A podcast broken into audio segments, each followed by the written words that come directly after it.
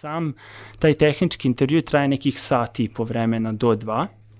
I na kraju, onaj, da kažemo, negde što je kod inženjera možda najzastrašujući je taj HR intervju koji negde dolazi kao poslednji deo koraka, ali ovaj, generalno sam taj HR intervju je nešto što je ovaj, poprečno, ako može i Slavica će da se složi sa mnom, da je malo drugačije od onog što smo imali prilike da se susretnemo ranije kroz našu karijeru.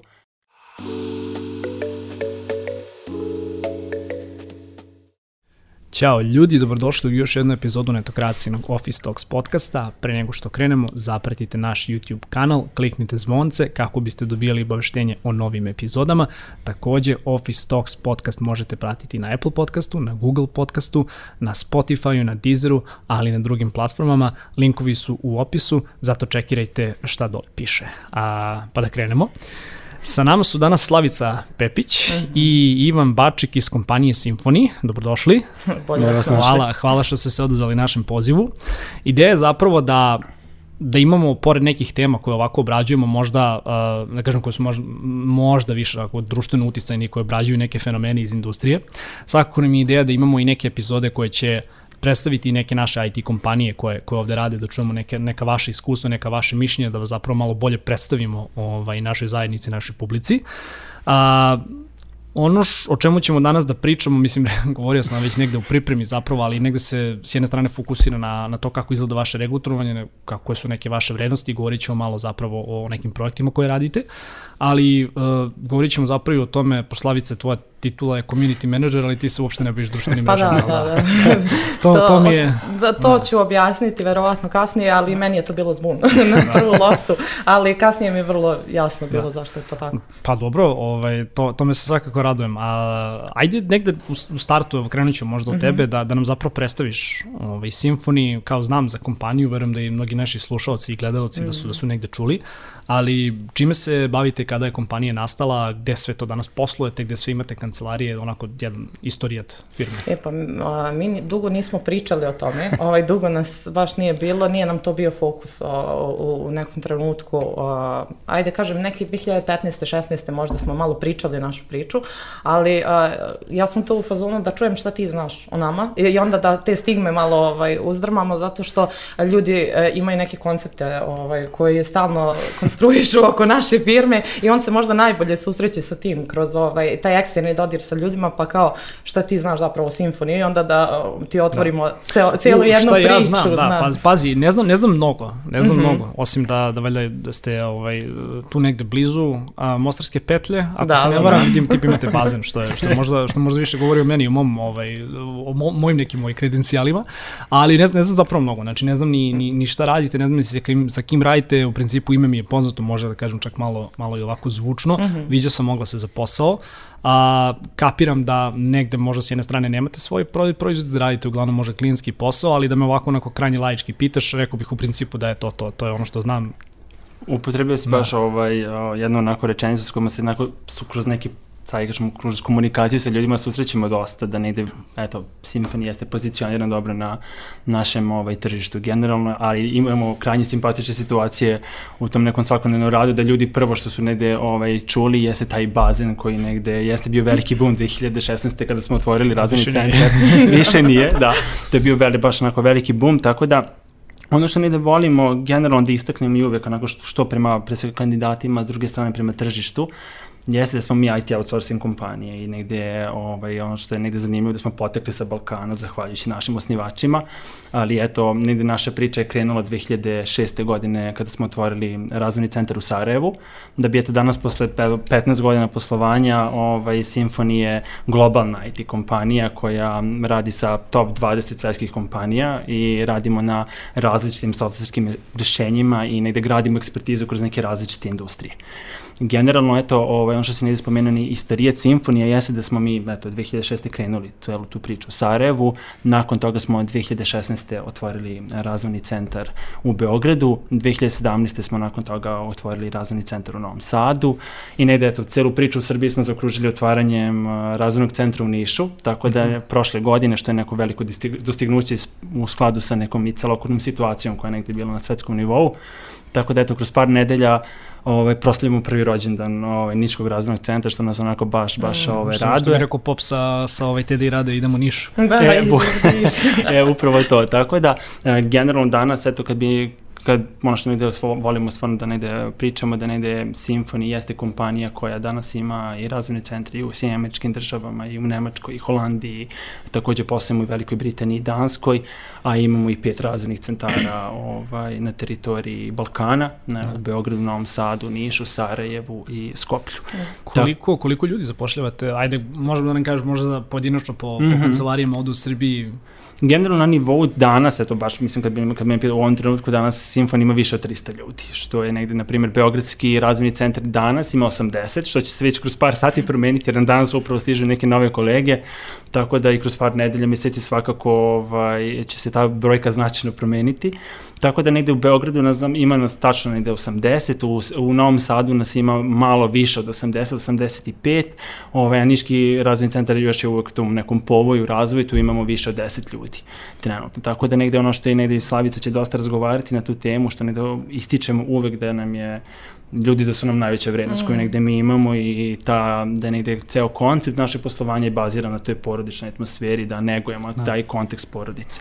To će naravno Slavica mnogo više negde približiti sa da, te da, community da, dobro, jesmo, je, da, jeste, jeste ta priča ovaj, krenula možda u Srbiji, pošto jesmo, jesmo tako specifično tržište, negde kao floskula da su ljudi zapravo najveća vrednost, ali evo, makar u našoj industriji to se, to se pokazalo kao veoma, veoma tačna tvrdnja, govorit ćemo svakako o tome. A spomenuo je zapravo Ivan da, da radite kao sa top 20 ovaj, mm -hmm. ono, svetskih kompanija, da su to klijenti, a ali možda da nam kažeš zapravo ko su, da. ko su ti klijenti, možda na kakvim, ovaj, na kakvim nekim proizvodima radite za njih, kako su zapravo organizovani ovaj, ano, tehnički timovi, verujem, verujem da će to svakako biti zanimljivo za, za slušalce. Da, pa mi smo se, uh, koncept, uh, ajde da kažem, naših klijenti i ono što radimo se i menjalo sa tržištem, kako je ono kada smo 2015. 16. otvorili kancelariju u Beogradu, tada je generalno u svetu bio uh, hype tog startup razvoja, jer su u, generalno ovaj, likovi iz velikih kompanija izlazili od njih i, i bili u fazonu, o, mi smo stekli neko iskustvo i sada bismo mogli da napravimo nešto svoje. Uh, zahvaljujući od e, našem, jednom od naših foundera, o, on je imao dobre kontakte tamo i mi smo imali stvarno veliku privilegiju da sarađujemo sa tim ljudima i nekako smo ušli u celu priču uh, kroz startupe i mi smo sami u tom trenutku bili startup. I uh, kroz celu tu priču smo i mi dosta učili i kako se tržište razvijalo, jeli, kako je išlo u tom smeru i mi smo to prepoznali i to nam je donelo u tom trenutku da mi radimo na različitim tehnologijama, novim tehnologijama, da moramo stalno da se razvijamo i slično. E, onda kako se tržište menjalo i mi smo se nekako ovaj, osluškivali to i prilagođavali se tržištu i um, donekle ajde da kažem, stvorila se i naša lična potreba ovaj, da sarađujemo sa većim klijentima. I došli smo u situaciju da ono, sarađujemo sa dva od tri najveća tehnološka giganta ovaj, i da to je velika opet privilegija, ali mi smo Svakako, došli do da. toga i kroz to šta smo mi radili, a, kakve smo mi outpute davali ovaj, i koliko su naši ljudi zapravo bili dobri u svemu tome, ali i a, s tim se menjalo i ono, ajde da kažem, a, naše potrebe, to jeste mi sarađujući sa klijentom, nismo mi samo njima davali, učili smo i mi od njih, jer ti u startup, ovaj, a, ka, kod startup kulture imaš tu jednu veliku i, i, i jaku dinamiku razvoja i sve je brzo i moraš da odgovaraš na potrebe tržišta, a kod velikih enterprise klijenata ti imaš moment da naprosto nije više dinamika, već je dubina. I nekako mi sa njima učimo kako sad da produbimo naše procese, kako da promenimo naše poslovanje. Uh, I, uh, ali, na primjer, ne mogu da kažem da je njihov uticaj samo na nas. Mi smo baš nedavno imali primer gde je jedan od naših kolega uh, dobio input da odrade nešto na projektu. Uh, na ono, imali su određenu arhitekturu i slično. On je prepoznao da mi možemo bolje i uh, on je napravio ono kao AB testing. Ja sam napravio sad svoju verziju, izašao sam pred klijenta, mi imamo tu slobodu jer takav odnos gradimo sa njima i uh, prezentovao je svoje rešenje i došli smo u situaciju da jedna gigantska kompanija kompanija uh, totalno promeni uh, skop, arhitekturu, t, t, ajde da kažem tehnologiju koju koristi i posluša našeg čoveka i mi krenemo ono, da razvijamo neki ludilo projekat zajedno ovaj, da, koji super. će da ide. I to je ono jedna dinamika koju trebaš da gradiš. Znači, uh, to verovatno ne bi bilo tako da mi nismo sa, sa ono, ljudima našim pravili takav odnos da uh, kreiramo tu atmosferu gde oni imaju i osjećaju pravo da tako nešto urade, ali opet je i to naš odnos sa klijentima, što je jako bitno. Ode mi olovka. Ode olovka. neću, neću, neću ići po nju. A da. reci da. mi šta sam nešto da te pitam, ovaj, mislim, pitao sam te zapravo i to kao kako su organizovani ovaj timovi, jel, uh, ajde kapiram sad imate različite klijente, mm -hmm. naravno radite na različitim rešenjima, a, da li su organizovani prema tehnologiji, prema klijentima, da kažem, ono, više ljudi koji zapravo dolaze sa, sa više nekih ovaj, ono, tehnologije i znanja, kako, kako su timovi organizovani? Uh, pa to je različito. Mi sada, koliko imamo, negde 40-50 različitih da. projekata u firmi i naprosto demand je različit. Mi a, negde potreban ti je kompletan tehnološki tim gde ti imaš inženjere, QA-eve i DevOpse, negde radimo po principu front-enda, zavisi da li je to nešto ovaj, što je tada potrebno klijentu, ali uh, definitivno uh, definišemo, ajde kažem, uh, tražimo da imam, ajde ovako, kao imamo taj moment da ti hoćeš da napraviš best fit i onda ti e, pričat ćemo o tome sigurno više kroz uh, ceo razgovor, ali imaš moment gde ti tražiš uh, best fit, znaš, ti moraš da pričaš sa inženjerom da li je neka kultura tima na tom projektu ono što njemu odgovara da. i onda u skladu sa njegovim potrebama ti, ti on da kažeš ok, ovaj, ova osoba je za ovaj tim, ali isto tako moraš da slušaš i klijenta i to ti ono naprosto na našem tržištu to je uvek žongliranje, oh, jeli? Da, da, a, i moraš da imaš sluha baš za to, ali, ali nama to evo, ide. Različito je, ali ide. Ono, Vesa bi se samo na ono što je Slavica lepo je to spomenula, da negde stvarno postičemo ljude, da negde daju svoje mm. rešenja, da negde daju svoje predloge, zato jer imamo veliki broj primjera da su naši ljudi baš dali neki predlog koji je klijent usvojio i to je negde onako neka vrednost koju isto propagiramo u okviru kompanije, tako da to je baš onako značajno mm. i ono što je rekla Slavica, za sada nam ide ovaj, poprilično dobro mm. i nadam se da će nastaviti tako. Mi da smo imali čak primer kompanije, znači mi smo, jedan od prvih projekata ovde je kod nas bio u Srbiji karavana i um, gde smo mi rasli sa tom firmom. O, ta firma je prošle godine, ako se ja ne veram, no. Da. u top 5 uh, firmi koje su profitirale na američkom tržištu, ne mogu da garantujem za svetsko, da, neću da dajem pogrešne informacije, ali uh, mi smo stekli njihovo veliko poverenje, mi držimo ceo, ceo taj njihov tehnički tim, uh, bazu podataka, oni su firma koja se bave prodajom polovnih automobila i razvili su totalno jedan ludački sistem, onako, uh, na, ajde da kažem,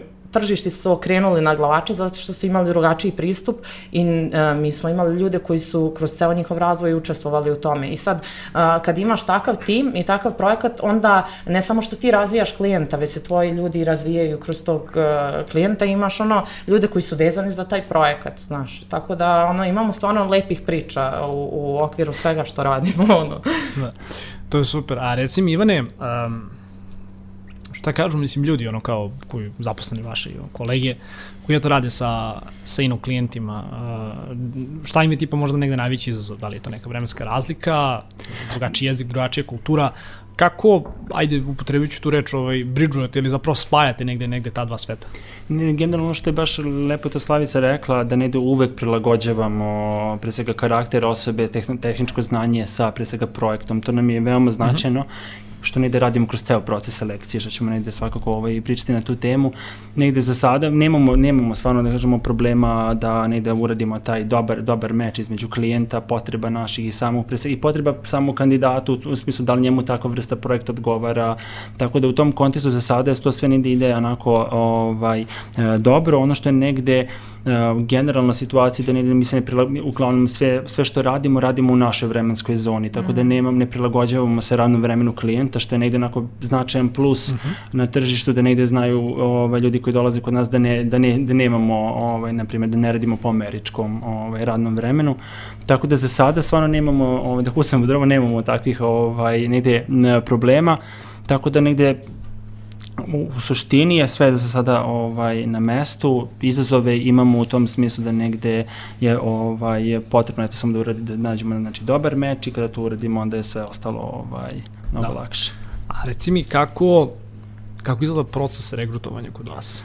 E, hvala ti, ovaj, hvala ti puno Nide, ovaj, Marko, ne preci da ovaj, porazgovorimo o tom urbanom mitu na, na našem tržištu kada je pitanje naš proces selekcije, s obzirom da negde ovaj, generalno proces selekcije kod nas je dosta složen, u smislu da negde je zamišljen pre svega kao proces upoznavanja simfonija i kandidata i kandidata sa, sa simfonijom. Iz razloga, jer eto, mislim, verovatno i ti Slavica će da se složite, da je prošlo to vreme da samo kompanije biraju zaposlene, pogotovo u IT svetu da sad imaju, imaju veliki broj ponuda, jako su traženi i onda negde imaju prilike i ovaj, da biraju kompanije sprem nekih vrednosti načela koje neguju i kome će da odgovore na poruku kad im pošalješ i kome neće i tako dalje.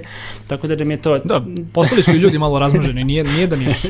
Složit ćemo se. Ima, ima, ima i toga, ali negde to je pre svega glavna, glavna suština. Ono što je negde značajno, što bih volila stvarno da istaknem da smo prošle godine ovaj, stvarno dosta razgovarali na tu temu generalno u okviru samog rekrutmenta, kroz razgovore sa našim tehničkim licima, tehničkim intervjuerima, takođe uzimali smo u obzir informacije koje smo dobili ljudi koji su prošli već naš proces selekcije i generalno feedback sa tržišta i samim tima da je bilo nužno da se neke, neke promene, izmene, da se urade neke izmene u samom procesu selekcije, tako da uh, za pojedine pozicije smo to negde uspeli, za pojedine na trenutno još negde radimo, očekujemo da ćemo nekom narodnom periodu to izvesti, ali ono što je značajna informacija da smo za neke, na primjer, software inženjer pozicije, proces koji je trajao 11-12 sati, skratili za nekih 2,5 do 3 puta, da je sad njima potrebno da izdvoje nekih 4 do 4,5 sata mm -hmm. ovaj, u procesu. Uh, kroz taj proces generalno što je negde značajno da na početku samom, kad na primjer vezat ću se za software inženjer pozicije, posle ću svako negde ispričati i za ostale, uh, generalno ono što negde prvo organizujemo jeste taj neki kraći sastanak upoznavanja između regrutera i kandidata. Prvi poziv, tako nešto. Poziv, u smislu sastanak neki upoznavanja, da negde mi malo više porazgovaramo o kompaniji, predstavimo nas kao kompaniju, projekte, tehnologije sa kojima radimo, objasnimo malo detaljnije proces selekcije, šta bih to očekivalo, popričamo benefitima kompanije i tako dalje. I onda negde, to nam je neki prvi inicijalni korak. Ono što je negde zva, zvanično kada negde krećemo sa procesom selekcije, uh, kad su pitanje ove pozicije, prvo organizujemo neku vrstu procenu tehničkog znanja, neki tehnički zadatak ovaj, koji negde kandidati uh, dobijaju u smislu da pre svega kandidat bira tehnologiju u kojoj želi da bude ovaj procenjen. To je negde onako značajno da kažemo. Koristimo jednu online platformu koja negde preko koje šaljemo mail kandidatu sa linkom gde on ima priliku da odgovori ovaj, na, na pitanja. Ima neki 30 pitanja na koje su ovaj, tu negde koji su nam značajni da vidimo, da procenimo tehničko znanje. Ovaj, potrebno je kandidatu nekih 40 do 80 minuta neki vremenski okvir, uglavnom ljudi završe za nekih 50 do 60 ovaj, a, minuta. Ukoliko je procenjeno znanje na nekom zadovoljavajućem nivou, naredni korak što organizujemo jeste tehnički intervju. Taj tehnički intervju, naravno, prvo se ga prilagođamo znanje i iskustvo kandidata, pre svega sa ekspertizom ovaj, našeg intervjuera, ali ono što negde zamišljam taj tehnički intervju jeste uh, da negde pre svega porazgovaramo sa kandidatom o primjerima dobre prakse, o projektima na kojima su oni radili, da približimo malo tu neku software inženjer poziciju kod nas, zamišljeno da izvučemo na, najjače i samog pre svega kandidata, ono čemu je on jak, uh -huh. a sa druge strane da mu damo neki mali vetar u leđe, da mu pokažemo šta to negde mi radimo u simfoniju i šta bi on možda mogao da nauči ukoliko ovaj, dođe kod nas sam. Taj tehnički intervju traje nekih sati i po vremena do dva, I na kraju, onaj, da kažemo, negde što je kod inženjera možda najzastrašujuće je taj HR intervju koji negde dolazi kao poslednji deo koraka, ali ovaj, generalno sam taj HR intervju je nešto što je ovaj, poprečno, ako može i Slavica će da se složi sa mnom, da je malo drugačije od onog što smo imali prilike da se susretnemo ranije kroz našu karijeru, jer je zamišljeno da to profilisanje kandidata. Negde kandidat eh, bukira u svom rasporedu sat i po vremena, gde negde prvih pola sata radi jedan psihološki test i jedan test kognitivnih sposobnosti, i nakon toga ima razgovor sa našim HR profilerom koji je negde isključivo baziran na tom, um, ajde kažemo, rezultatima tih testova. Tako da negde u tom smislu sam taj intervju je zamišljen kao eto, upoznavanje sebe, znači sa nekim svojim jakim stranama, sa nekim svojim poljima za razvoj.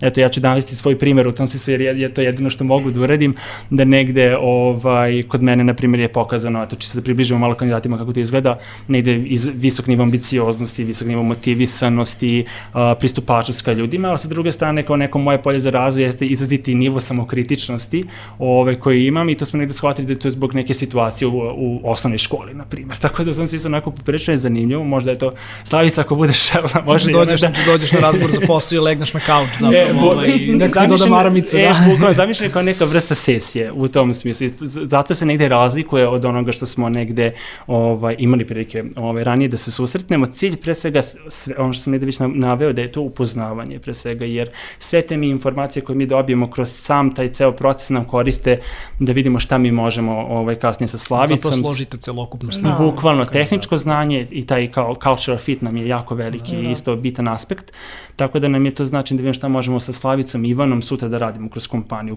ono, u kom pravcu da radimo, kakve radionice da šaljemo tu osobu i tako dalje. Tako da je onako poprilično, je- poprilično je zanimljivo. Tako da eto, to je onako... ja, pitaju ljudi da li imate bazan ovaj.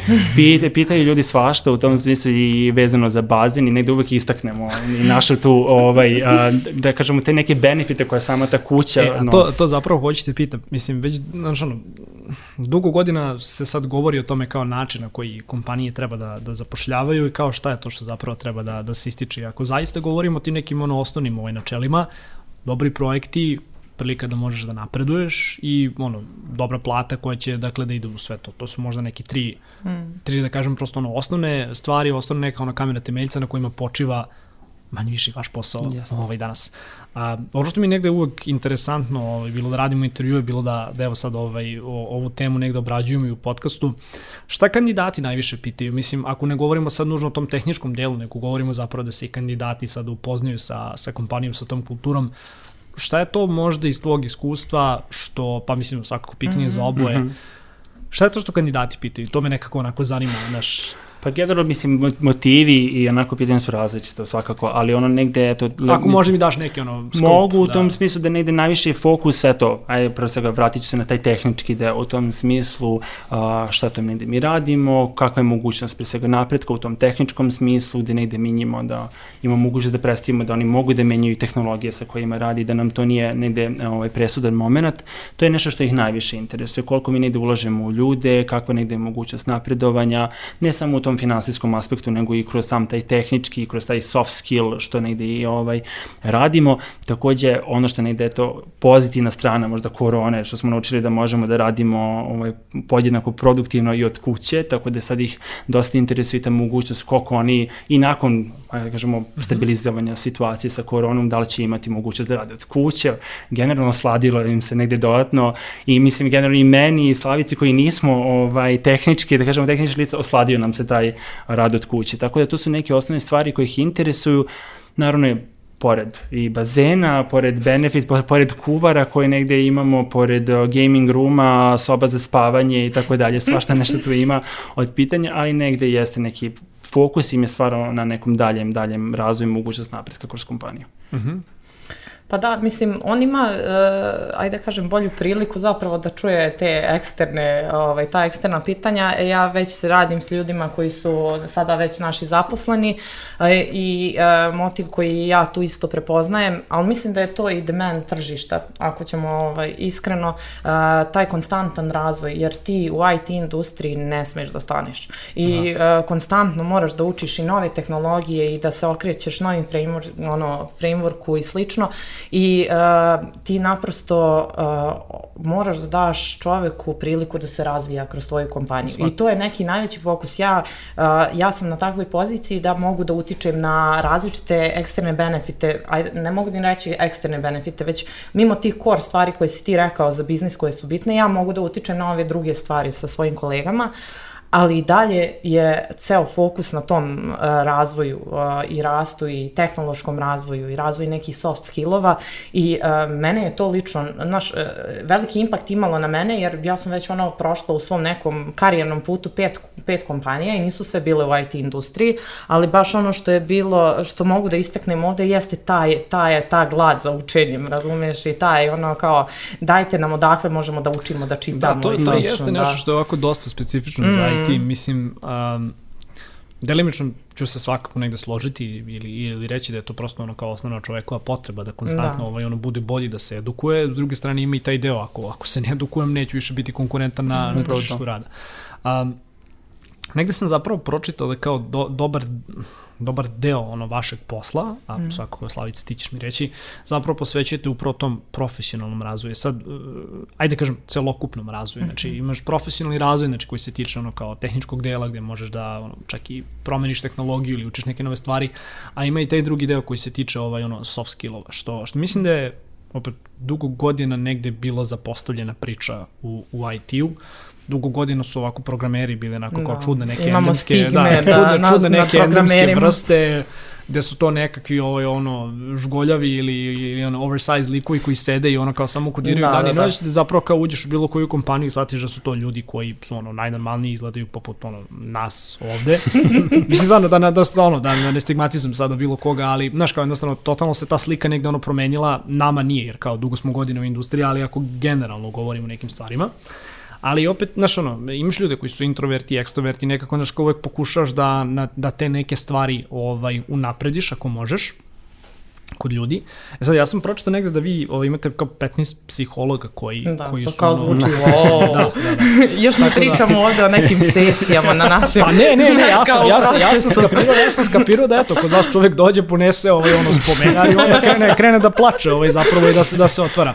Ali, uh, da, mislim, kao upošljavanje psihologa nije negde sad novi, kon, mislim, meni, meni makar eto nije novi koncept, ja sam kao čuo da još par firmi to radi, nikad se nije negde o tome otvoreno sada govorilo kao šta će jedan shrink ovaj, u firmi, da li on tu samo da, da, ovaj, da, da negde ono sasluša mene i ono, da negde upije moje osjećanja zašto mi se, ne znam, menadžer drao ili šta god, kapiram da nije, ali i, i stvarno me onako iskreno zanima kao uh, pod jedan odakle ta ideja da ajde, velika ste kompanija, ali odakle ta ideja zapravo da, da ono, uposliš ljude koji, koji imaju to kao osnovni posao i čime se to oni danas bave najviše. Pa možda da. da krenemo od tebe, Slavice. Može, može. Uh, iskreno, uh, ovako uzela bih iz našeg razgovora taj moment uh, što si rekao u nekom trenutku fine tuninga ovaj, uh mhm. -huh. i onoga što, i mi to stalno spominjemo ako, ako možemo primetiti kroz različite aspekte kad pričamo o klijentima, kad pričamo o našem procesu regrutacije gde smo mi imali jedan proces koji je dug, onda smo slušali tržište, slušali inpute inženjera i, i, i, i onda smo prilagodili naš proces pa smo ga smanjili, i, mislim skratili, iako ono uh, i dalje smo zadržali taj moment da smo mi, znači culture driven uh, technology house i da naprosto jako nam je bitna ta kultura koju, koju gradimo.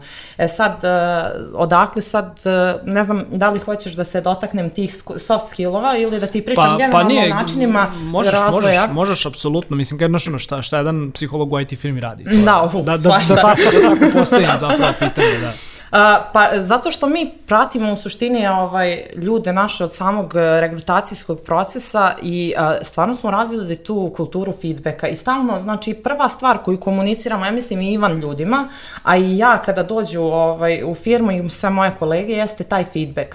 Jer e, ti u tom procesu rasta i razvoja kompanije, znaš, ti, tebi se fokusi menjaju i ti moraš stalno da imaš, ajde da kažem, oči i uši koje su ono, koje će da slušaju različite strane strane. Jer tvoj fokus može da bude u, ne znam, rastu biznisa, ali ti ne smeš da zapostaviš svoje ljude. To ono nije opcija u ovom trenutku i naprosto uh, postoji ceo tim ljudi koji je zapravo evo i dobro nam došao u periodu korone, gde ono ti si preko noći u lockdownu, ne znam šta te snašlo, ne znam šta kao u privatnom životu šta te je zapravo snašlo i uh, na primjer nama je su ceo tim ljudi ovaj ajde kažem kad pričamo o 15 psihologa da ljudi ne ne zbune se nemamo 15 psihologa u jednoj kancelariji već na nivou no, firme, no.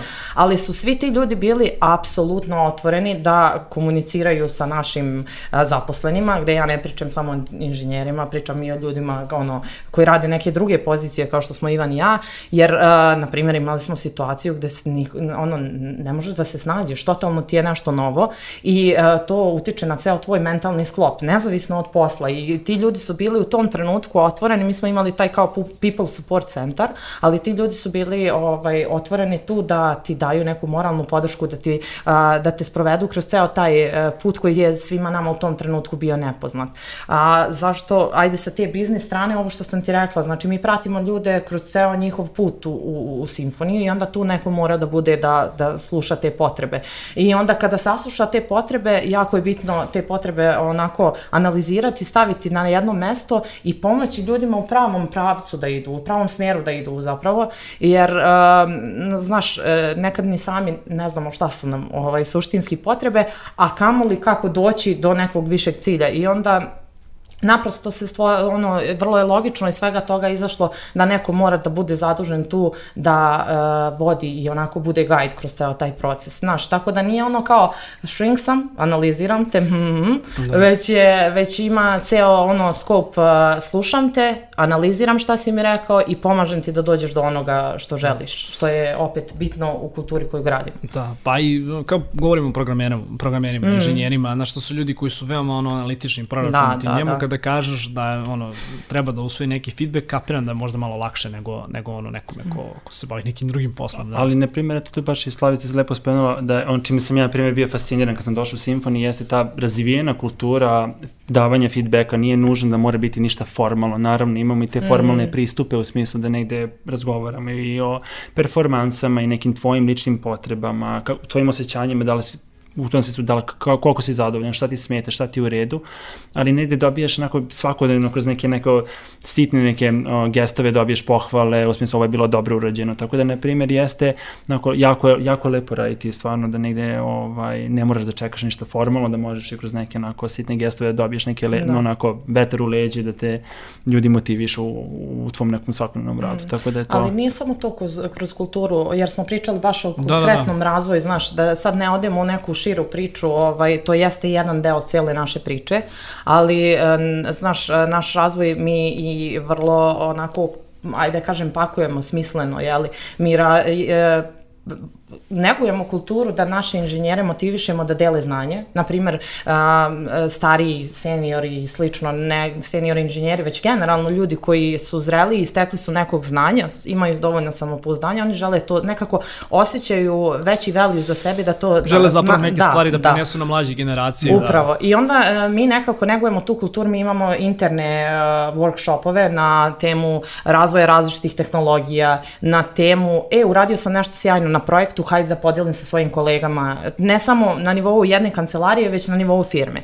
Uh, isto to smo krenuli da negujemo ovaj, kroz meetupe uh, sa eksterni, ono, uh, sa nekom eksternom publikom, da neki naši ono, inženjeri dele svoje znanje, uh, radimo to, radili smo to offline i nekako želi smo da približimo ljudima tu našu kulturu, sada radimo to online. Tako da smo se i tu prilagođavali tržištu. Što se tiče nekih soft skill radionica, ne samo da te ovaj, u tom tvom, sad kako sam ti objasnila, ceo taj naš mhm. put, ali kada smo zaključili šta ti treba i šta je to negde gde ti hoćeš da se razvijaš, da li ti želiš da budeš u, ne znam, odeš u sales ili ne, naš, e, različiti su karijerni putevi, a, mi na osnovu tog profila i onoga što ti želiš, želimo da ti pružimo a, ono, sad moderno je reći soft skillove, ali veštine u suštini a, koje, koje ti možda sam ne bi znao kako da razviješ i onda ti imaš tu i komunikacione radionice i radionice ono, za razvijanje sales veština i slično, na kome a, naši psiholozi rade. Čisto da ti ono, zatvorim priču, da ne ostanemo negde u melu fazonu, a ovaj, da to ne bude bude onako vrlo abstraktno, već bukvalno imamo Konkretno, različite da, workshopove da, da. koji se fokusiraju na tehnološko znanje i koje se razvijaju na, na, na soft skillove i te veštine, ovaj, mekane veštine, da. koji naši u suštini psiholozi najviše, najčešće kreiraju i radimo ono, u manjim grupama, 6-7 ljudi. Da. Što opet nam je dovelo uh, u ovom momentu korone, na primer, da se ljudi međusobno u različitim hubovima zbližavaju, pošto mi ono imamo projekte koji su uh, cross hub jeli, na, u različitim razvojnim centrima gde su timovi podeljeni ili radi na istom projektu, ali sad smo dobili, na primer, situaciju ne samo da nam je benefit da razvijamo ljude, već se naši ljudi međusobno upoznaju između kancelarija, što je ono kao, e, super, znači, kao, ne, ne razvijamo se samo već kao, e, ovog lika sa Slacka zapravo, kao, to je taj lik sa Slacka koji baca fore, znaš. Tako da, e, ima tu dosta benefita i to je nešto što, u šta neusporno, neusporno moraš da ulažeš. A i, taj deo mi je super, zašto negde vidim to kao priliku, ok, našao si osobu koja ti odgovara po pitanju tog nekog culture fita, on, ta osoba će se svakako razvijati mm. ono, kroz, kroz godine. A, super da to je negde osobi zapravo daš i priliku da no, kroz godinu, dve, tri, koliko god ta osoba bila u kompaniji, da pređe na drugu poziciju, da se specijalizuje za neku drugu stvar mm -hmm. i da ti ono i dalje dobar, vredan radnik koji se ono uklapa po pitanju svih nekih ono dodatnih stvari da ti ostane zapravo u timu. Pa to je, mislim, cilj jeste stvarno da imamo dugoročno zaposleni, zato ne da sprovodimo taj onako možda složeniji proces selekcije, ali da ne da znamo da je win-win situacija i za jednu i za drugu stranu.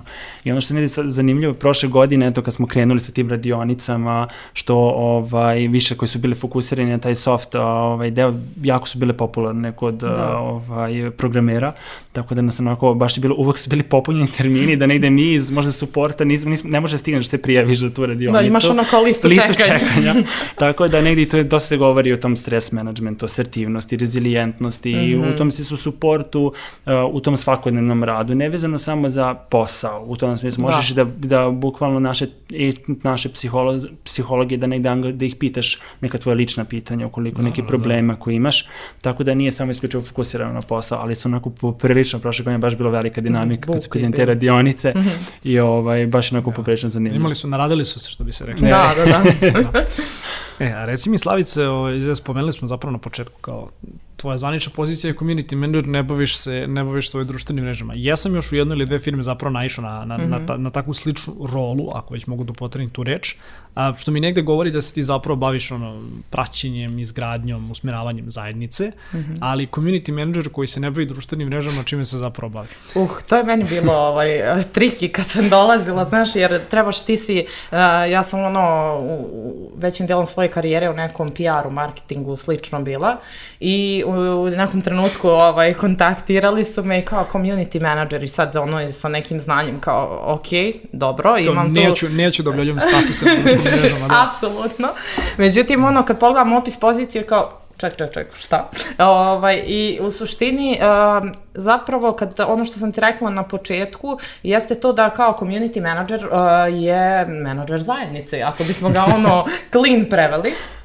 I sad ja donekle dotičem i taj neki, to neku našu eksternu zajednicu, ali naš fokus uh, je i ta, jel, jel ti razvijaš odnos sa klijentom ili zavisi ka, kakav je tvoj tip biznisa, ali naš fokus je na internu zajednicu, ovo što ti pričamo, sve što radimo vrti se oko ljudi. I sad ako malo razmislimo o IT industriji, kad ti kreiraš jednu kulturu koja je dobra, I kad jedan, jedan svom zaposlenu, zaposlenom pružiš taj jedan uh, experience totalni kroz kompaniju, to se jako brzo pročuje. To je zapravo, uh, tebi je najbolji imidž i ti održavaš svoju zajednicu ako uh, ti svom zaposlenom kreiraš okruženje u kome je njemu lepo i dobro i pružaš mu i prilike za razvoj i da radi na sjajnim projektima i u tome svemu organizuješ neke zabavne aktivnosti, tebi naprosto tvoj imidž se održava u tome da ti u suštini the word of mouth je jako jak. Znači to je ono, svi se složiti, najbolji PR koji možeš da imaš. Tako da u suštini ja se fokusiram na neki a ono što sam spomenula jeste da mimo tih core stvari biznisa, projekata, plata i suštine, a, radim sa a, svojim timom na razvoju određenih benefita, tako da a, koji, koji su ljudima zanimljivi i ta moja pozicija čačka nekako a, HR, a, malo i PR i slično. Znaš, i, i sad, ajde da kažem termin employer brandinga se tu ovaj, a, vezuje, da, da, vezuje i drago mi je što kolege generalno na tržištu mnogo pričaju o tome jer je jako bitno jer ti svoj branding zapravo vučeš iz, te, iz, te, iz tog momenta brigi o svom zaposlenom i da ti kreiraš. Da, ono neke, da je... neke neopipljive stvari. Da, da, da, i znaš, to, to su ti različite stvari od toga da organizujemo, ne znam, tehnološke radionice i, ne znam, tehničko znanje, pa, vrate, druženje i pijanko, ono, posle posla, pa, ne znam, team building je online, offline i slično. Znaš, različiti je, različiti je scope stvari, ali su to sve neki added value, znaš, to koji moraš da imaš. Da, naprosto. razumem. A, spomenula je Slavica taj deo oko opet uključivanja zaposlenih, ono, da nije samo sedneš, dođeš na posao, odradiš šta treba i, i, i čao. Kako gradiš tu neku kulturu a, kompanije gde se opet uključuješ u neke van nastavne aktivnosti, mm -hmm. znači kapiram da nije samo ono 9 do 5, kako zapravo formiraš zajednicu, opet pitanje mm -hmm. i za tebe, kako formiraš negde zajednicu ljudi koji će prosto želeti da se ono uključe u druge neke aktivnosti, bilo da je to volontiranje u okviru firme, što, što znam da je, da je i toga bilo kod vas neke druge aktivnosti koje su zapravo potekle ovaj od, od zaposlenih, možete nam svakako mm -hmm. i to reći, ali kako negde ono, kako baciš žišku za tu stvar da se onda prirodno onako organski da se rodi, a ne da izgleda kao one došla je, ono, došla je Slavica iz community managementa, rekla nam je da sada svi moramo da idemo da trčimo 5 km zašto će to da bude dobar imidž za, za našu kompaniju. Ali to je, to je baš ono što je, mislim, polazimo opet od procesa selekcije. Sve Da, to negde, da, da, sve to negde, apsolutno. apsolutno, to nam je najpočetna stavka odakle negde krećemo, jer i kroz taj, aj kažemo, taj HR deo prolazimo upravo sve te neke vrednosti, mm -hmm. poklapanje vrednosti koje negde mi interno negujemo. Tako da ti kada već dođeš kod nas, ti si već pripremljen na to da ćeš ti imati prilike da učestvuješ u nekim ovaj, van nastavnim aktivnostima u tom smislu mm -hmm. da negde organizuje, da učestvuješ i imaš i happy hour, imali smo i Oktoberfest, Da. imali smo svašta nešto u tom kontekstu, tako da neminovno je jednostavno samo te povu, povučete ta zajednica. Jedno što uvek govorim kandidatima, da negde kada prolaze kroz proces selekcije razgovaraju sa različitim ljudima u tom smislu i da negde i kada dođeš ima ta neka, ajde ne mogu kažem, ta neka linija koja negde Mhm. sve nas povezuje, ne, još uvek ne znam šta je to, negde neka vrednost koja Da. negde na- u- nam govori. Dobro, osjećaj pripadnosti zajednice na Da, da, da, to je ali jako to je taj- izraženo da. zapravo. Tako da neminovno je da, se, da budeš onako uključen svakodnevno i da negde onako jedva čekaš da dođeš u kancelariju i da nemaš stvarno osjećaj da si ti došao na posao, nego je već onako... Da. Ili da sedneš za, za Slack ovaj, od kuće. Da. Da, čak možeš da kažeš to ono, taj moment kada, na primjer, integracije ljudi u firmu, kad čovjek dolazi, znaš, te, nama nije poenta samo da ga integrišemo na neki projekat u okviru nekog tima, mi to radimo na nivou kancelarije, pa onda na nivou celog, eh, cele firme, znaš, jer e, mi imamo razvojne centre na Balkanu, imamo kancelarije u, u Americi i širom Evrope, razumeš, i onda e, imamo ceo sistem, na primjer, razvijen s tvog onboardinga, gde nama cilj nije samo da te uključimo u neki tim pa ti radi sa klijentom, već nam je cilj da Da. ti osjećaš da si ti deo jedne veće priče, koja nije ni samo Beograd, niti je samo Srbija, niti je samo, razumeš? I to onda, e, to je onaj moment kao a, gde ja imam taj prvi kontakt s ljudima, reci mi svoja interesovanja, daj mi nešto, daj mi mesto da te ljudi osete i onda da te ovaj da naprosto i ti osjećaš pripadnost, a i da ljudi kad kažu došao je, ne znam, Marko Marković u firmu, da to ne bude ono blank slovo na papiru, već ti kao, a to je onaj lik koji ima, znaš, koji se prezentovao, koji ima taj i taj interesovanja, a dobro si, e, gde si ortak, To razumiješ? je, to, Tako to je da- super stvar, baš jer eto i Slavi za stalno sprovodite jednom nedeljno office flow, office flow u tom smislu da negde razgovaramo o dešavanjima i da negde onako što je dobro i što je uvela dobru praksu, da negde svaki, svako nov ko dođe se predstavi, u tom smislu priča o svojim interesovanjima, šta vole, u smislu od board gamesa, ne znam, skakanja iz aviona i tako dalje, da negde na taj način Ludi, integ... ludi programeri. Da, taj- ali znaš, integrišemo ih tako ljudi, kroz- pogotovo što je remote, izvini što Da. sam te prekinula, ali remote ovaj model koji, u kome radimo gde ti imaš firmu koja je culture driven, gde mi celu priču fokusiramo na čoveka, community zajednicu, op, kao mi smo sad remote, nismo, nemaš više taj Da, kontakt, da. razumeš, nemaš meso Da. i onda naprosto moraš da nađeš načine, pogotovo u nekom procesu našeg rasta i razvoja gde dosta novih ljudi nam je došlo u poslednje vrijeme i onda kao uvek naravno da imaš taj moment da će ti neko ko je tu o, 4-5 godina kaže pa čekaj, ko su ovi bre ljudi, znaš, ono kao, kako ja sad da budem u kontaktu s tim ljudima i ti moraš da napraviš taj moment da i te ljude približiš nekoj starijoj ekipi koja je ono kao OG ekipa, razumiješ? Mislim, znaš kako, znaš kako, postoji, postoji ono limit čoveka koliko može da popije preko Zuma, tako da... Da, da, ovaj, ali i to smo nekad to da. premašivali, brate, A- imali smo i te ovaj, a, Ka, varijante. da, kako, kad spominjemo dosta tu pandemiju, ovaj, kako vam se, to koliko vam se i na koji način posao promenio za vreme pandemije? Da krenemo možda od Ivana, pošto svakako da. negde si sada ovaj, do- dotakla tvoj deo, ali ako pratimo već kao tu neku razvojnu liniju, a, IT opet jedna od redkih industrija gde je bilo veoma malo otpuštanja ukoliko ih je bilo, čitava industrija jeste rasla, pogotovo kad radiš sa klijentima koji su ono, velike svetske ovaj, kuće i kompanije koje su možda negde i dodatno digitalizovale svoje usluge i to je stvar koja se dešavala i u Srbiji, dešavala se i u svetu, što znači da možemo negde sasvim slobodno pretpostaviti da ste rasli, ako možeš možda sa nama i da podeliš koliko ste negde porasli u 2020. godini, ako govorimo evo, o Srbiji i vaše tri kancelarije, i kako je izgledao čitav taj proces regrutacije kada ti ne možeš da sedneš onako da negde jako će pogrešno da zvuči, ali da zapravo ovaj, opimaš ili osjetiš negde ono Da. da. vibe te osobe, Jasno. a već imaš isključivo Zoom koji nekada secka, nekada ne secka.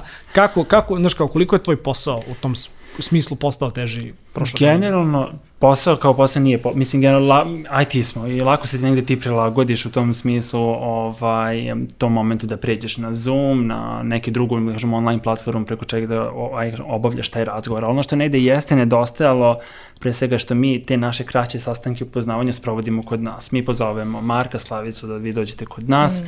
sprovedemo te kroz kompaniju, ugostimo te i da taj moment da im pokažemo otprilike da, da i oni osete energiju da bi to oni potencijalno. Zapravo nosiš, nosiš iPad i pokazuješ. E, iPad i pa to.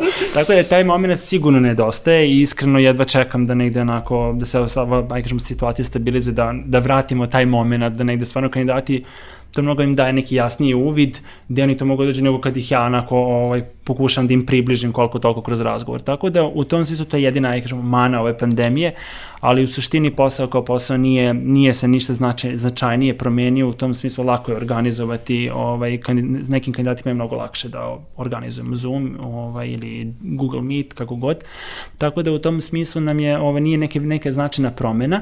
Ovaj, što se tiče rasta, a, po, prošle godine, eto, u tom smislu fokusirat ću se dosta na Beogradski hub, jer sam eto deo ovaj, Beogradske kancelarije, ali u tom smislu da negde prošle godine ovaj, smo mi porasli za nekih 30 ljudi, samo u Beogradskom ovaj, razvojnom centru. Niš smo iz početka negde razvili. Takođe Novosadski hub imao veliki rast, da ih danas ima 85, tako da je blizu 50 ljudi smo mi doveli prošle godine u ovaj Novi Sad. Tako da... To je značajno, da. Značajno, pre svega to je, mislim, glavni neki rezultat svega toga je smo mi uh, u drugoj polovini prošle godine dosta proširili naš business development team i onda samim tim je to usledilo ovaj, donošenje nekih novih projekata, proširenje saradnje sa već postojećim i to je negde mm. -hmm. glavni rezultat i nastavljamo sad istim tempom ovaj, u ovoj godini. Slavice, ti u vreme COVID-a... Uh, dosta, ja dosta, dosta, dosta, dosta vremena provedenog na Zoomu, reći ću. E, da, sastanci. Znam, ono je bio jedan period kad su mi bušili stan iznad, to je bilo pakleno, ali ne mogu da kažem, znaš, slušam njega, njemu je lakše. Mm. Uh, meni kao nekome ko se bavi ljudima, uh, ajde kažem, medijator sam tu, ovaj, uh, tih grupacija i slično, kao imaš uvek ekipice.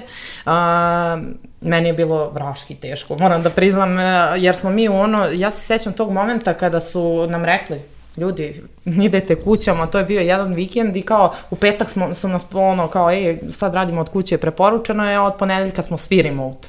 I ti si da, baš je onako preko, preko noći manje da, više Da, bilo je invazivno, da. onako kao šta ja sad da radim. Em što si ti ono u nekom uh, u dinamici gde je svet oko tebe sulud, sad si odjednom i svoju uh, ličnu dinamiku u toku dana totalno promenio. Uh, da u nekom trenutku, ako se svi sećamo, bilo je onog momenta da imamo lockdown u pet, da ti ono, ajde, završi svoj posao, pa gde ćeš sad, znaš, ono kao nema.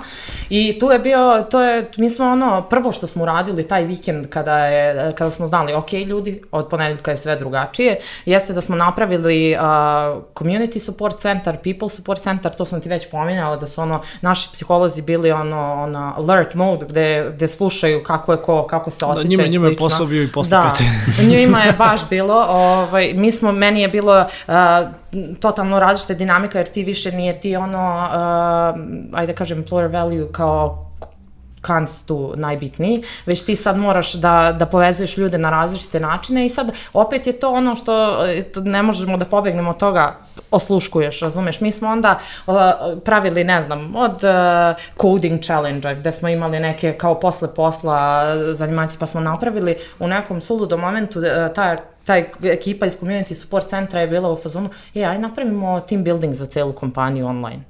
I sad ti si ono, znaš, tumbleweed, imaš onaj moment kao, kako sad to da uradimo i onda kreneš u tu egzekuciju gde mi u trenutku kad imamo taj team building u 11 sati uveče nama je 150 ljudi na kolu, da ti razumeš da ti ljudi imaju i decu i slično i znaš, to je ta ona moment koji mi smo negovali od ranije i on se samo nastavio. Da, pa mališ, smo imali... mališani su legli. da, mališani su tu bili support u nekom da. trenutku i onda su pospali. Um, pa smo imali šah turnire, pa smo imali, ne znam, uh, u suštini uh, imali imali smo ove sportske aktivnosti. Da.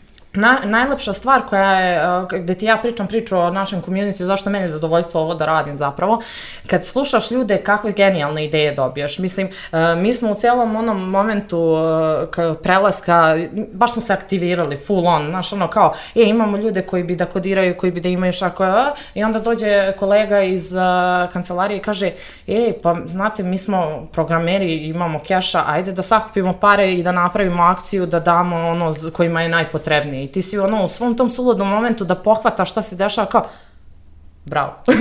Znaš, i onda se aktivira cijela firma i mi napravimo kampanju sa UNICEF-om koji nam je ono partner da određeni novac sakupimo i da ono napravimo neku ludilo unutar firme i to je ono ispala kao dobra kampanja. Onda smo imali moment da je kolega došao meni kaže Slavica, evo ide školska nova godina, mislim nova školska godina, zašto ne bismo obratili pažnju na decu koja, na primer, e, sada im je otežano, razumeš, ti imaš uh, deca koja su prešla na online sistem, možda nemaju kompjuter u kući, razumeš, nemaju odakle da, da, da, da pohađaju nastavu. I onda smo mi tu, a, pa vidiš, sjajna ideja, a pritom smo imali neku inicijativu tipa da smo, uh, čim je završen karantin, organizovali smo ono trčanje oko, kao ljudi su slali svoju kilometražu sa strave ili tako ono sa telefona, gde smo mi imali neki zadatak u letos da kao obiđemo sve naše kancelarije u svetu i to je buknulo. I onda kad je taj kolega došao i kao, e, ajde da pomognemo dečici, mi smo bili u fazonu, e, ajde da napravimo naš interni ovaj, maraton gde će ljudi kao da plaćaju participaciju. I onda smo napravili partnerstvo sa SOS selima, e, ono širom, ne samo Srbija, Bosna, Skoplje i slično, gde smo mi isto sakupili određeni novac, napravili smo neko dugoročno partnerstvo sa njima i e, naprosto to ti je, znaš, ono, moment da. gde ti se fokusiraš na zaposlene, onda ti zaposleni donese nešto i sad, e, to je sve, mi smo se okupili oko neke lepe ideje, razvili smo je, uh, učinili smo nešto za nekoga kome je bilo dobro, mislim, potrebno, tu smo se mi konektovali, to je bilo na nekom, ajde da kažem, biznis skopu dobro za kompaniju, to ti je opet neki social responsibility ali to ti je sve došlo od ljudi, razumeš? Tu ti je ono kao, ako neguješ taj moment feedbacka, ovo što pričamo ono, u, u, u toku razgovora, gde ti to pušaš od samog početka, tebi takve stvari dođu i onda ti kreiraš ovaj, priču oko toga i ono, zapravo te oni fine tuneuju. Znači ti više ne radiš, ne radiš ti ono da slušaš, da, da. već tebi, ne, tebe neko kao, ej, ajde, ajmo na ovu stranu, ovo je dobro, razumiješ? Eto, to je sad ono isto odgovor na ono pitanje kako se ljudi sami uključuju, jednostavno, da. ne mi nije, razlog, kao, razlog zašto pričamo o tome, pazi, mi, mi ovde u netokraciji smo mali tim, mm. mikro tim, ovaj, mm. čim nas ono kao četvoro, petoro u datom trenutku. I daš, meni je lično koji sam i community manager nekada, a i community manager, da zapravo kao pokrenem i organizujem ljude. Uh, pa sad samo kratko pitanje, ovaj, da, da ne dužimo možda, ali evo, meni je ovako interesantno. Da li Slavice misliš da je možda rad u većim firmama, mm -hmm. koje već negde sad ono, sa tolikim brojem zaposlenog i prelaze u taj neki onako korporativni segment, ne nužno po kulturi, ali po broju zaposlenih, da li misliš da je možda, zahvaljujući toj masovnosti ljudi, gde ono, kao svako ćeš imati, ne znam, umesto jednog kolege, trojicu, četvoricu, petoricu, koji će onda da pokrnu tu masu, da se radi neka stvar, da se radi neka sportska aktivnost, da se ide, da se pije vikendom, da se znaš, ono, uključi u nekakvu akciju. Da li misliš da je možda veličina firme opet e, odgovorna da se takve stvari dešavaju ili se opet vraćamo na onoj culture fit, da zapravo su ljudi ti koji moraju da se pokrenu, da naš ono nema, ne postoji te neki peer pressure, e meni se ovo ne radi, pa će sada ne znam ono Slavko iz, iz ono iz, iz ne znam programiranja ili ono software arhitekta da me, da me natera da to radim. Pa Iskreno, uh, definitivno nije do veličine kompanije, mm -hmm. a reći ti zašto? Zato što meni se moj posao otežao deset puta ono kako smo mi rasli, jer ti sad više nije to samo stvar, e, imam troje ljudi koji bi da ide u escape room, već imaš sad ono skup ljudi koji imaju gomilu nekih različitih da, aktivnosti. Da, moraš, moraš da praviš da, neko, ono, i onda da. kao, ej, pa što si ti organizovao za ovoga ovo, a nisi ovo, hoćemo book club da imamo, na primjer, ili, znaš, rađaju se takve ideje i sad što ti imaš veći skup ljudi, oni imaju šira interesovanja obrazovanje. Prokleti, je... prokleti programeri koji imaju život i van posla, da. Ovaj, ali ne, zapravo ta dinamika ti je ono što sam ti pričala, mislim što Ivan spominje generalno, što stalno, stalno trubimo i, je, i vidim da se, opet kažem ti, na tržištu je sad to neki novi drive što se meni jako sviđa. Uh, taj culture fit, razumeš, mi, mi slušamo, prilagođavamo se klijentu, prilagođavamo se našim zaposlenom uh, i slično, ali ti imaš jedan kor onoga što mi jesmo, a to je Culture Driven Technology House. Gde ti kreiraš, znači tebi je to cilj kao kompanije, da se tebi čovek, da ti nađeš best fit na projektu sa čovekom, da taj čovek se uklopi u zajednicu i uh, onda taj drive sam dolazi, znaš. Mislim, naravno, to ti opet, sve je to, znaš, dinamika jedna, treba tu dosta kockica da se složi i treba biti pametan, ali definitivno je moment feedback, znači slušam i o, o, ohrabrujem te zapravo da mi kažeš i onda s tim što mi kažeš nešto uradim i onda se ti osjećaš kao deo zajednice i opet razumeš moraš da uskladiš da ti tu čuješ i klijenta jer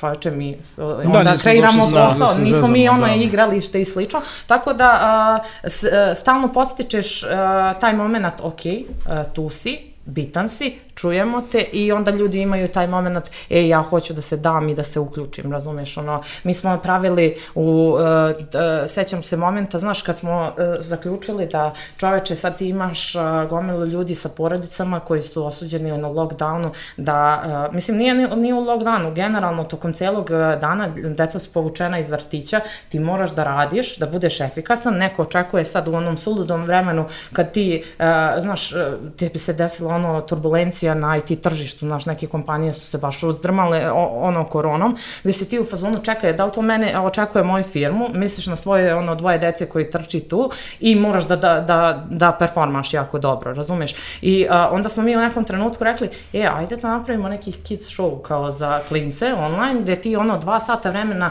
bar uzet ćeš tu decu i, i, i ne znam, posaditi ono, i posadite ih ispred Zuma i napraviti priredbu, se. znaš, i to je opet nešto novo bilo za nas, to je zeznuto, jer ti si u fazonu, ja ovo prvi put radim, znaš, ono, ja sam najčešće bila, na primjer, u B2B-u, nisam ono kao, ta, tako je ide, izgledao moj razvoj u marketingu i PR-u, ali uh, generalno ono kao, dođeš u tu situaciju i onda vidiš kao, e, ovo je super prošlo i onda smo nakon toga imali još tri kids show znaš, i ono, ljudi ti se javljaju i kažu ti hvala ti, brate, hvala ti, ono, dva sata vremena si moje dete angažao jer stvarno smo overwhelmed, ti si ono pritisnu sa svih strana i nesigurnost je velika, ali da. ti dođe ono slušaš, e to je realna potreba koja se desila u tom trenutku. Tako da ono uh, najbolje ti je taj moment uh, kombinacije više stvari, culture fit i ceo taj proces regrutacije je jako bitan, zato on bio i, i, i dug i ideš što ovaj ideš kod šinka na sesiju u nekom trenutku, ali uh, zato što mi želimo da okupimo takvu ekipu,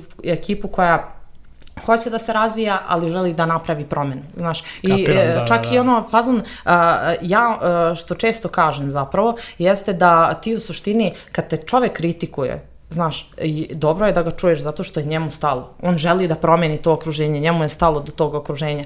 Ako ga ne interesuje, e, tu si već ono, malo u blatu i ne možeš mnogo da uradiš. Tako da ono, i ljudi kad su, kad su u fazonu, ej, ej, šta vi radite sad? Znaš, ono kao, e, ma nismo mi takva firma. Znaš, ono, ti imaš taj razvoj firme gde su ljudi, oni koji su duže, kao, pa mi smo se promenili. Znaš, jesmo, ali onda saslušaš tog čoveka, pričaš s njim šta se tu desilo. Razumeš, to ti je ono dinamika koja je šira i, i veća, ali culture fit nam je ono ključ svega. Ključ, ključ reči, da. dobro, eto, eto nam title za, za da. epizodu. Ivane, evo, pre nego što dobro, solini smo sa vremenom, ovaj, sat vremena skoro. Jel Opala, da? Opala, raspričali smo se, raspričali smo se lepo. Ali, ali evo za, za kraj, a, ako može da mi kažeš kao da li, ono, a, a, prepostavljam da aktivno zapošljavate, mislim svakako evo, biće, biće i link negde ovaj, u, u opisu ovog videa a, do vaše kao karijer stranice. Mm -hmm. Ako možeš samo ukratko da mi kažeš koje su možda to negde pozicije koje sada, koje sada ovaj, jurite, koje zapravo aktivno tražite i kao da nam daš nekakav ono čisto kratak uvid, opet na početku smo 2021 ove godine, ne znamo šta ova godina nosi, ali da možda podeliš sa nama neke, neke planove za, za firmu kada kada ova godina u pitanju. Jedan što se tiče zapošljavanja, da, ovo će biti poprilično onako dinamična godina na nivou celog simfonije, nevezano samo ovaj, za na Beogradsku kancelariju u tom kontekstu. Uh, imamo, pre svega ono što sam već ispomenuo, da smo stvarno prošle godine ovaj, dosta uradili u smislu promenama, generalno doveli smo veliki broj ljudi, taj business development team i onda je rezultiralo novim projektima proširenje saradnje već postojećih i to je negde rezultat da imamo veliki broj otvorenih pozicija. Tako da trenutno imamo veliki broj različitih pozicija u smislu da tražimo React.js developere, Python developere, Golang, service delivery menadžere, uh, solutions arhitekte, QA inženjere, DevOpse koji su pre svega mitska bića na, na ovom tržištu. Tako da u tom smislu to nam je neki glavni fokus u svim hubovima. Naravno, uh, ljudi mogu stvarno uvijek da odu na, ovaj, na naš sajt da pogledaju, sve su tamo oglašene pozicije, između ostalog mogu bilo kojeg regrutera u svakoj kancelariji da kontaktiraju bilo kom trenutku i da saznaju malo više i o pozicijama i generalno o samom ovaj, procesu. Što se tiče uh, ove godine, uh, generalno biće jako dinamična, s obzirom da imamo onako uh, velike planove za neki dalji rast i razvoj u smislu što se tiče broja zaposlenih. Uh, generalno, uh, s obzirom da smo isto agilna kompanija, učimo se tržišta, to nam je naredni, to će nam biti u fokus da negde onako se još brže prilagođavamo tim ovaj, promenama koje, koje su negde nužne. Promene, ja sam uvek pobernik onoga, promena je uvek dobra. Pa promena je uvek jedina stvar koja je konstantna. Da, da, tako da. da tako da u tom kontekstu to će biti sigurno. Ovaj, što se tiče procesa zapošljavanja, bit će i dalje po principu best cultural fit, u smislu jer nam je jako bitno da negde, jer hoćemo dugoročno razvijemo čoveka. Tako da iskreno uh, radujem se pre svega ovoj godini, ovaj, tako da ćemo odgovoriti negde svim izazovima, ja mislim da negde onako ovaj, na kraju ove godine ćemo onako, nadam se da ćemo imati jednako dosta povoda za, za slavlje. E, ovo me motivisalo zapravo ovaj, da spomenem generalno pričali smo o tom procesu integracije, ulaska u firmu, kako prezentujemo, i onda ljudi su uh, jako često u fazonu, kad će moj projekat? Na kom sam ja projektu? Ej, gde je moj tim, razumeš? Ali a, mi sebi dajemo tu prostor i tako želimo i da komuniciramo ono, a, svima koji dođu i, i koji su tu na nekom početku, jako nam je bitan taj fit. Znaš, ne, ne, nećemo da te ulećemo o nešto što, što znamo da, da dugoročno, da, da, da, neće biti tebi ok, neće biti klijentu ok, zašto bi pravili to? Znaš, sačekaj, ok, i mi smo spremni na to, e, imamo mi jeli, i procese i razvoja i ono, workshopove i slično, imamo sve ovaj, da ispunimo tvoje vreme, ali e, nema potrebe da žurimo jer smo mi ok s tim. I, i, I naravno da je to prirodno da ljudi pitaju jer kao hoću, ajde, novi posao, znaš, dinamika, ali baš to komuniciramo često kao, da. ok, da, da sačekamo. I ovo što Ivan kaže, mi imamo velike planove kao i, i nadalje i o, želimo da pričamo malo tu našu priču i hvala ti na tome tome što si da. pozvao ovaj, da ispričamo, ali opet uh, sve je prilagođavanje sve promene i ono, e, ne znamo šta nam nosi tržište, ali mi ćemo svakako slušati i, i klijente i tržište i zaposlene i na osnovu toga ćemo fine tunovati. Da, da. Ništa društvo, hvala vam što ste danas bili tu, kada eto želim vam da, da ovo godina bude uspešna, da imate što negde više tog ono preciznog ovaj, da, da, fine, hvala. fine tunovanja. Ovaj, opis za, za link, mislim, ono, linkovi do posla će svakako biti negde u opisu ovaj videa, tako da ko želi da, da vidi zapravo više o tome i šta radite, da se negde upozna sa kompanijom, ovaj, to će svakako moći da učini ostaviću negdje vaše onako LinkedIn profile pa mogu da vas kontaktiraju i da vas, da vas cinu negde ovako iz prve ruke zapravo e, da, koliko imaju pitanja. A, više jednom hvala, hvala što ste bili ovoj moji današnji gosti. A, dragi slušalci i gledalci, evo samo za kraj još jednom kratak posjetnik. Pretplatite se na naš YouTube kanal, kliknite na zvonce kako biste dobili obaveštenja o najnovim epizodama. A, naš podcast izlazi svakog četvrtka u 10 ujutru. Takođe Office Talks možete pratiti i putem audio platformi kao što su Apple Podcast, Google Podcast, Spotify, Deezer i mnoge druge. Linkovi su naravno u opisu. Toliko od nas za danas, a mi se vidimo naredne nedelje. Pozdrav! Pozdrav! Pozdrav!